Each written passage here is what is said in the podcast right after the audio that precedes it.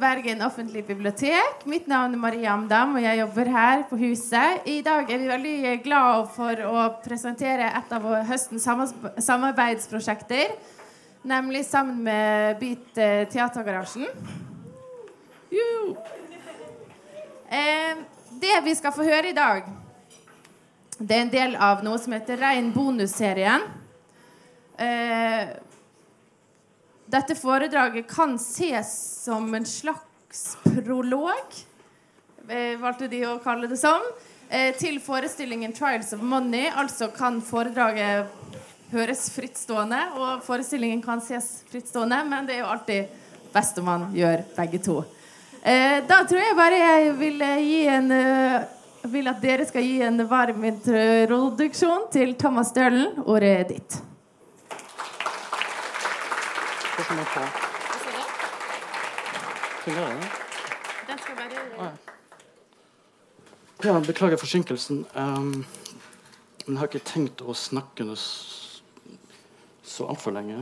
Mitt eget attention span er på 40 minutter. Så når jeg hører på folk snakke, så jeg skal prøve å holde meg litt til det. Uh, men jeg har blitt bedt om å uh, si noe fornuftig om uh, Marx. Uh, det er jo Det har vel neppe gått mange hus forbi at det i år er 200 år siden han ble født. vi kan vel trygt slå fast at hans navn er viden kjent, både blant venner og fiender. Høy og lav, rik og fattig. Det er vel i grunnen få tenkere som har akkurat denne statusen. Hans Ry går langt hinsides eh, akademia. Så mens en Kant eller Aristoteles eller Adam Smith og så i og for seg har en viss utbredelse blant lek så vel som lærd, så er det ingen av dem som kan helt måle seg med Marx. Og Hvorfor har det seg sånn? Jo, eh, svaret ligger vel i den politiske virkningshistorien som Marx eh, sitt tenkning har hatt, og fremdeles har. Det er ingen overdrivelse å si at det ikke er noen annen teoretiker som har eh, satt større preg på eh, det man kan kalle realhistorien enn nettopp Marx. Og med realhistorien mener jeg den egentlige, virkelige historien som den har utfolda seg. Ikke idéhistorien, der Marx nok har opptil flere rivaler om eh, samme status. Marx er like kjent som han er berykta, og det gir seg litt merkelig uttrykk av og til. Tidligere i år så ble det avduka en stor statue av Marx i fødebyen Trier. Og Den som holdt tale ved avdukinga, var ingen andre enn Jean-Claude Juncker, EU-kommisjonens president, som vel ingen kan hevde er kommunist. Eh, skjønt jeg, var, eh, jeg så et kommentarfelt på, eh, i ei britisk avis at det var flere brexit-tilhengere som mente at han nettopp var det. da. Eh, Juncker han talte ganske rosende om Marx og advarte mot å dømme han for hva som var blitt gjort i hans navn. Statuen var for øvrig en gave fra Kina, som ga et annet litt komisk skjær til det hele. For eh, Kina er jo et av de land som fremdeles kaller seg kommunistisk. Selv om det nok kan diskuteres om Kina egentlig er kommunistisk i andre betydninger enn det det kinesiske kommunistpartiet til enhver tid mener at kommunisme er. Uh, landet har jo gått i en veldig kapitalistisk retning og uh, blitt mer totalitært, så det kan jo diskuteres. Uh, og for øvrig, Apropos Kina, jeg var for noen uker siden i Beijing på verdenskongressen i filosofi. Der hadde Marx en ganske sterk profil.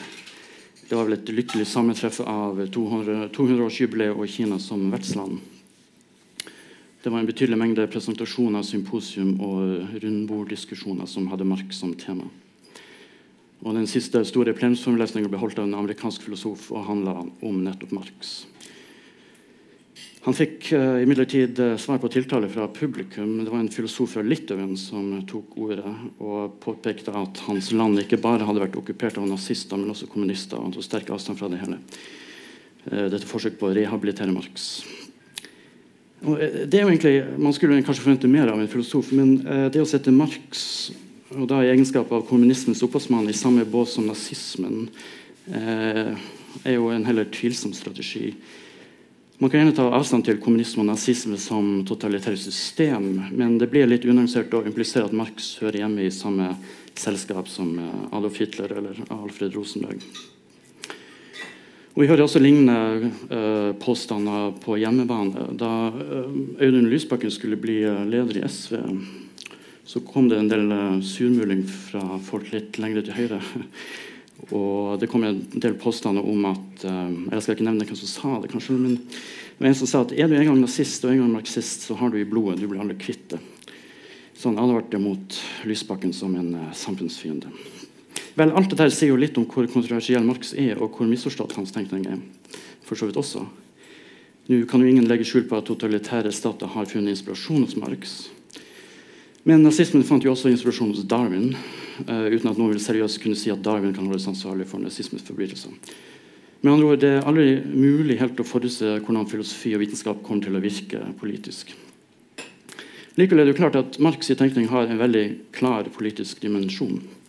Ikke bare var han sjøl uh, politisk aktivist i sin ungdom. Uh, hans skrifter er jo også i høyst grad et politisk prosjekt, eller uttrykk for et politisk prosjekt. Marx er likevel rimelig tydelig selv på at hensikten med kritikken av kapitalismen er vitenskapelig. Han vil forklare hvordan kapitalismen som økonomisk system fungerer. Men eh, Marx kommer jo ikke unna normative betraktninger. Og Sånn er det som regel med alle teorier om samfunn og mennesker, hvor verdinøytral de enn er ment å være av eh, opphavsmann eller opphavskvinne. Men Eh, til dagens tema, Hva var det da egentlig med Marx? Hva var det han var ute etter? Eh, at han kritiserte kapitalismen, vet jo alle. Men hva slags filosofiske motiver ligger til grunn for hans kritikk? Jeg skal prøve å gi et ørlite svar på det. og Det er jo et veldig stort tema. Eh, men eh, jeg skal ikke betrakte han som økonom, så hvis dere kom hit for å lære mer om Das Kapital, så må jeg skuffe dere litt.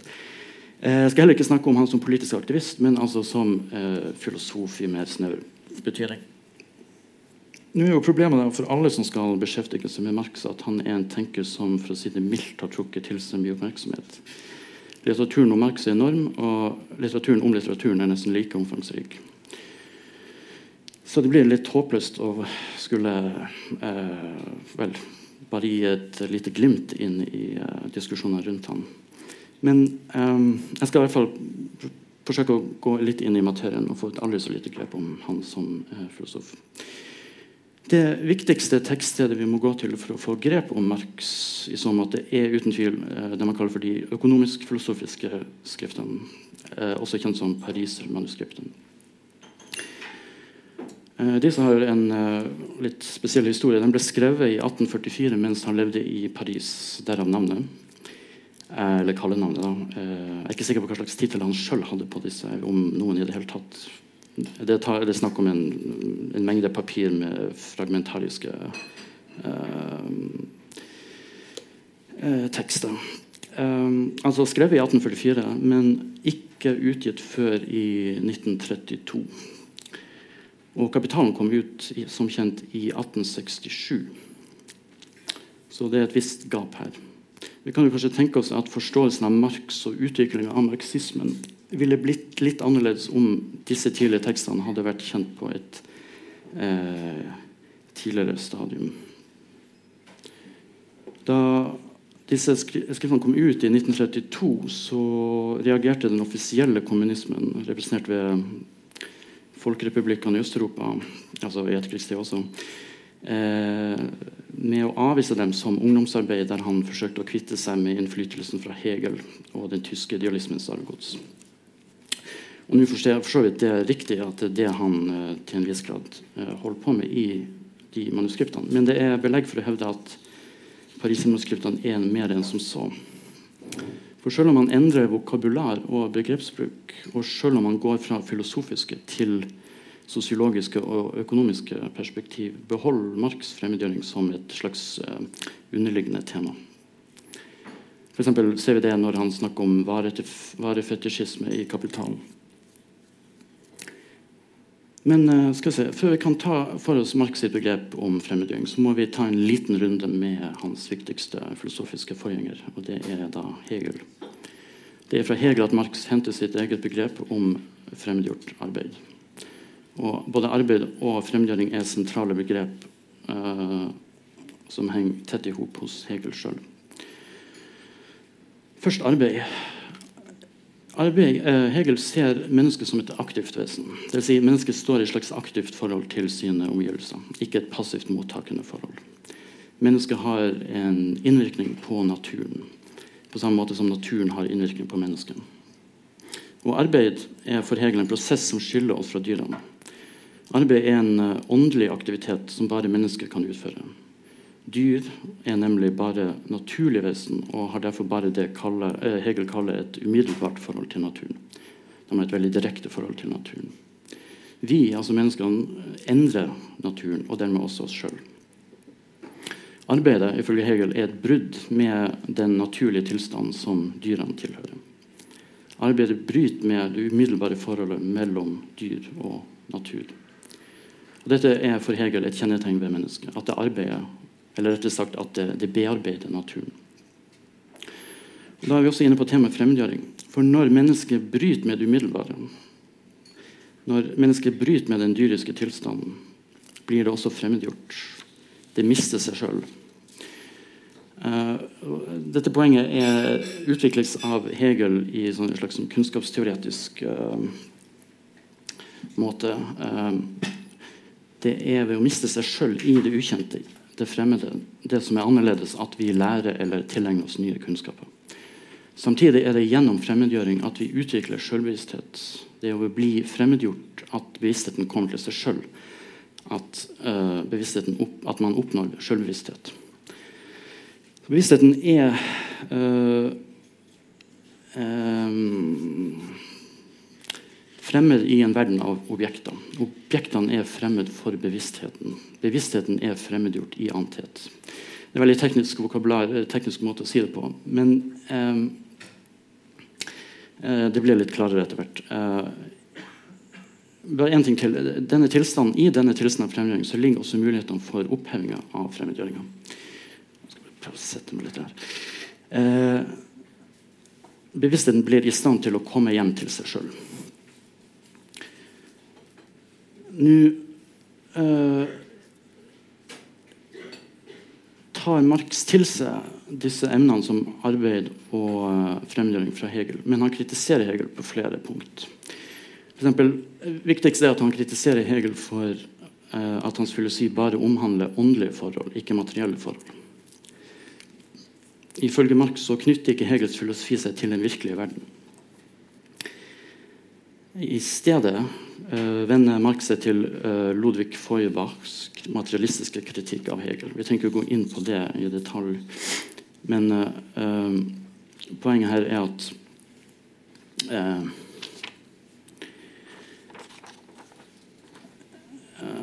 ja, La meg komme tilbake til det. La meg bare si litt mer om fremmedgjøring første omgang. Altså, Marx kritiserer Hegel for å være idealist. Marx vil ta, vil ta dialektikken i en materialistisk uh, retning. Uh, Marx ser også Hegels beretning om fremmedgjøring som veldig spekulativ og idealistisk. Det vil si at den har ikke noen forbindelse til menneskets materielle tilværelse. Ifølge Marx er mennesket for Hegel ensbetydende med sjølbevisstheten. Fremmedgjøring blir derfor kun uh, sjølbevissthetens fremmedgjøring. Så Hegel ser, ånd, eh, Hegel ser bare arbeidets åndelige og abstrakte side. Han ser ikke måten mennesket er knytta til naturen eh, til, på en strek, på tilstrekkelig måte. Så objektet av naturen blir noe som er eksternt fra bevisstheten. Og det mener Marx er feil. Vi har en mer eh, vi har et uh, grundigere forhold til, uh, til, objektene, til naturen. Et, uh, et aktivt materialistisk forhold. Så Marx er enig med Hegel i at arbeid kjennetegner menneskeheten som art. Så mens dyr har et umiddelbart forhold til naturen, så står mennesket i et særskilt aktivt forhold til sine naturlige omgivelser. Mennesket bearbeider naturen. Dyret derimot inngår i naturen fullt og helt. Nå kan man eh, diskutere om Marx egentlig har forstått Hegel rett. Det er en del diskusjoner rundt dette, da, at, at, Marx eh, overdriver Hegels idealisme. For Hegel er gjennomgående opptatt av det man kan kalle den virkelige verden. Eh, det er få hegelianere i dag som vil være enig i at Hegel er den type idealist som Marx mener han er. Eh, og som mange andre også fortolker han på 1800-tallet. Men eh, det er for så vidt en annen historie. Da. Det er i hvert fall sånn eh, Marx forstår Hegel. Og det er det som var viktig for oss å få med oss her. Um, så altså, Poenget hittil er at Marx' forståelse av arbeid og fremmedgjøring er materialistisk på en tydeligere måte i alle fall enn Hegels. Men uh, la oss nå endelig da se på hvordan Marx forstår begrepet om fremmedgjøring. Ifølge Marx er mennesket fremmedgjort i fire henseender. For det første i forhold til produktet, dvs. Si objektet. For det andre i forhold til produksjonsprosessen. For det tredje i forhold til mennesket som art. Og for det fjerde i forhold til sine medmennesker. Jeg skal ta uh, de fire i turorden. Først uh, fremgjøring i forhold til produktet. Det at arbeideren, mennesket, fremmedgjøres i, sitt produkt, betyr at produktet får en eh, slags ekstern og uavhengig eksistens. I arbeidet blir objektet til noe som er fremmed for mennesket, for arbeideren. Og Det fremmedgjorte arbeidet i det kapitalistiske samfunnet står i kontrast til førkapitalistiske samfunn, der produksjon som regel foregår innenfor ei husholdning eller eh, i et lokalsamfunn. Altså det, det, er et nært forhold mellom produsenten og eh, produktet. Mellom en håndverker for eksempel, og produktet håndverkeren lager. Det er et nært forhold mellom arbeidet og arbeidets resultat. Ifølge Marx så endres dette i kapitalismen eh, på den måten at den direkte forbindelsen mellom produsent og produkt brytes. Og det som skjer er at Penger og marked kommer inn mellom de to produktet lages ikke lenger for ei husholdning eller for et lokalsamfunn, et nærmiljø, en, en landsby, eh, men for et større marked. Så eh, produktet på en måte forsvinner. Eh, blir, eh, det oppstår en, en, en, distanse mellom den som har lagd produktet, og, og produktet. Det, det, det, går ut på markedet. Eh, så produsentene, produsentene eller arbeiderne mister da kontroll over bytteprosessen. Og alt de står igjen med, er eget arbeid. Produktet forsvinner inn på markedet uten at dem som har lagd produktet, har noe å si. Og I tillegg har arbeiderne også mista eiendom over redskaper og råmateriale. Og, eh, I kapitalen kan vi som jeg var på, inne på innledningsvis, finne spor av eh, den ideen i det han kaller varefetisjisme. Eh, produktene av arbeidet blir til varer, eller blir til ting som er atskilt fra produksjonsprosessen. Så Det var det første, den første formen for fremmedgjøring. Altså fremmedgjøring fra produktet. Det andre var fremmedgjøring i forhold til produksjonsprosessen. Eh, Dvs. Si, altså måten produktet blir til. Eh, for I tillegg til at produktet fremstår som noe fremmed for arbeideren, gjelder samme produksjon av produktet altså arbeidsprosessen som mennesket deltar i. Og det som er Grunnen til denne fremgjøringa er lønnsarbeidet som kommer med kapitalismen. Arbeid blir til noe som er instrumentelt. Man arbeider for lønna for å få betalt i kontanter, ikke for å tilfredsstille behovet til ei husholdning eller et lokalsamfunn, som i det førkapitalistiske samfunnet. Og med lønnsarbeid blir arbeidet sjøl Uh, unnskyld, ja, altså arbeidet, Prosessen blir sjøl til en vare, til noe som kan kjøpes og selges. Men arbeidet ikke lenger for seg sjøl, men for andre som kontrollerer hele prosessen. Altså fremmedgjøring i forhold til produktet, fremmedgjøring i forhold til produksjonsprosessen. Og det tredje er da fremmedgjøring i forhold til arten. Mennesket fremmedgjøres overfor seg sjøl som art. Eh, jeg nevnte at arbeid er et vesentlig aspekt ved mennesket, i kontrast til dyr, ifølge Marx og Hegel. Dyr drives av instinkt og umiddelbare behov for tilfredsstillelse av begjær. Når eh, mennesket eh, fremmedgjøres som art, så betyr det at mennesket har sunket ned til dyrenes nivå. Eh, det som egentlig skiller oss fra dyr, altså arbeidet, det å bearbeide naturen, blir redusert til den umiddelbare tilfredsstillelsen av behov, av begjær. Så ifølge Marx eh, er ikke mennesket lenger seg sjøl som art. Mennesket får ikke levd et ekte menneskelig liv der alle potensialer kan utfoldes. Fordi det arbeidet det, det, lever på et mer dyrisk nivå. Det får ikke blomstre som menneske. Den siste formen for fremmedgjøring er fremmedgjøring i forhold til medmennesker. Som ikke alt det andre var ille nok, så blir altså mennesket fremmedgjort overfor andre mennesker. Her dreier det seg om økonomiske krefters oppløsning eller fragmentering av tradisjonelle fellesskap. Individ blir atskilt fra hverandre som atomer eller monader uten noe som holder dem sammen. Som i eh, det førkapitalistiske samfunnet. Vi får en masse av individ som ikke, til, uh, ikke føler tilhørighet til hverandre. Det man uh, Adorno og andre har kalt for 'the lonely crowd'. Her, her, er det også interessant å merke seg at Marx retter skyts mot økonomiske teorier som nettopp hevder, ja, nesten forutsetter at mennesket er et atom, et egoistisk, selvsentrert, nyttesøkende enkeltindivid.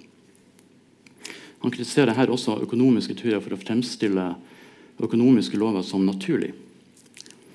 Altså, samfunnet styres ikke i fellesskap, men av ahistoriske lover. Økonomiske lover opptrer som naturlover. Og det tar uh, Marx uh, sterk, sterk avstand fra, for å si det mildt. Eh, jeg skal komme tilbake til akkurat uh, dette. Men uh, poenget er at disse fire formene for fremmeding er historisk. Vil si at de ikke er ontologiske. Det er ikke noe ontologisk ved denne fremmedgjøring, sånn som man finner hos eksistensialistiske tenkere. De forstår fremmedgjøring som en del av, av tilværelsen. og fremmedgjøringa er heller ikke eh, naturlig og normal. Altså, eh, det er ikke sånn at den bare er et slags uheldige eh, utslag av markedsøkonomien. At de fire formene for forandring er historisk, betyr at de er konsekvenser av bestemte økonomiske forhold i en viss historisk kontekst. De er ikke uforanderlige. Det at de er historiske, betyr at de kan avskaffes og oppheves. Så fremmedgjøring har uh, kilden til sin egen overvinning i seg sjøl. Og Det er viktig å få med seg denne tvetydigheten, for ellers vil en del viktige poeng ved Marx sitt prosjekt forsvinne. Han ser jo kapitalismen som et stadium i den historiske utviklinga. Uh, la meg ta de fire formene for fremmedgjøring for å få frem denne tvetydigheten litt eh, litt bedre. Fordi, eh, ja, La oss ta den første formen eh, for fremdeling, altså i forhold til produktet. Det er, det er for så vidt en vinning i det at arbeideren ikke lenger er bundet så fast til objektet som i førkapitalistiske samfunn. For Det kan være snakk om slavearbeid, det kan være eh, påtvunget arbeid i hånd, håndverkerlaug. Eh, det kan være lett å ha et veldig romantisk syn på eh, førkapitalistisk samfunn med håndverkere som forblir ved sin lest og lever lykkelig i en landsby. Eh, men det er ikke nødvendigvis eh, tilfredsstillende for, det, for, den det gjelder. Eh, altså Marx er ikke en romantiker i, den forstand. Fremmedgjort arbeid skal overvinnes, insisterer Marx. Det er eh, viktig å se at det er et steg på veien som også åpner opp for nye muligheter og bedre arbeidsformer der produsenten kan oppnå en bedre relasjon til objektet, til produktet. Altså en type arbeid der mennesker kan få et mer tilfredsstillende forhold til sitt produkt. Eh, med hensyn til den andre formen for fremmedgjøring, altså i forhold til eh, produksjonsprosessen, så er det et fremskritt sammenlignet med det førkapitalistiske samfunnet at denne prosessen ikke er begrensa til husholdning eller lokalsamfunn og bare tilfredsstiller lokale behov, men også tilfredsstiller universelle behov. Lønnsarbeid gjør det mulig for arbeideren å være mer fristilt overfor arbeidsgiverne. Arbeideren er ikke nødvendigvis fast bundet til en enkelt arbeidsgiver, men inngår i et arbeidsmarked med arbeidsdeling. Men Marx mener også at denne her produksjonspressen vil bane vei for en ny måte å organisere arbeidslivet på. Slik at uh, produksjon igjen kan komme under en uh, rasjonell menneskelig kontroll og ikke være prisgitt uh, markedets irrasjonalitet. Med hensyn til den tredje formen for fremdeling, altså i forhold til menneskearten, er det et fremskritt at produksjon ikke er så nær knytta til naturlige behov. Uh, lønnsarbeid endrer dette. Arbeidet blir instrumentelt. Det utføres for å få lønn. Uh, det er fremmedgjørende, som sagt, men det ligger også muligheter til å overvinne fremmedgjøringa her. Uten å vende tilbake til det rent naturlige forholdet mellom liv og arbeid som herska i det før-industrielle samfunnet. Altså Marx vil ikke at vi skal leve som dyriske vesen. Han vil ikke til, si, tilbake til tilstand før fremmedgjøringa. Eh, han vil at vi skal få utfolde, utfolde våre potensialer. Menneskearten er altså mer enn bare tilfredsstillelsen av naturlige behov. Eh, så til sist den fjerde formen for fremmedgjøring, altså forholdet til andre mennesker. Her er det også eh, tale om et fremskritt i forhold til førkapitalistiske samfunn i den forstand at mennesker i uh, de førkapitalistiske samfunnene var bundet sammen i uh, på en slags naturlig måte, et slags organisk, tradisjonalistisk fellesskap. Markedsøkonomien kommer inn og endrer uh, dette i og med at individer kan bryte ut av denne typen fellesskap, som gjerne kan være undertrykkende på sin måte. Marx vil ut av denne fremmedgjorte tilstanden men han vil ikke tilbake til den romantiske forestillinga om et perfekt førindustrielt lykkelig samfunn. Opphevinga av denne fremdelinga betyr for Marx å få rasjonell kontroll over sosiale og økonomiske forhold. Og det innebærer eh, å avskaffe privat eierskap av produksjonsmidler og avskaffe markedet. Og Da har vi for så vidt kommet frem til uh, den store visjonen som Marx har. Um, om et kommunistisk samfunn. Avskaffelsen av fremmedgjøring mener Marx kun kan skje i et kommunistisk samfunn. Kommunismen er ensbetydende med opphevinga av fremmedgjøring. Uh, Nå beskriver ikke Marx kommunismen i Parisermanuskriptene som et statssystem eller et politisk styresett, men som en uh, slags prosess som leder frem til en ny måte for mennesker å leve på. Han beskriver kommunismen som fullendt naturalisme og på samme tid som en fullendt humanisme, der splittelsen av natur og menneske opphører. Eh, det er altså en, en type ny uh, måte å leve på, der mennesker kan finne hjem til seg sjøl. Altså overvinne denne fremmedgjøringa som kapitalismen har medført. Kommunisme for Marx er dermed i hvert fall i disse tidlige skriftene ikke et spørsmål om rettferdig fordeling eller statsform, men en type historisk prosess som endrer samfunnet på en grunnleggende måte med hensyn til hvordan vi forholder oss til verden og uh, til hverandre. Så Nå begynner, eh, begynner, vi kanskje å se hva slags filosofisk grunnsyn Marx har. Um, ut fra det vi har sett til nå, så vil jeg påstå at det er en viss grunn til å hevde at menneskets fremmedgjøring utgjør Marx sitt egentlige filosofiske anliggende. Selv om det er ikke alle som uh, mener at det er tilfellet. Det har vært en del diskusjon om det opp gjennom årene. Men det er en del ting som går igjen i de senere skriftene.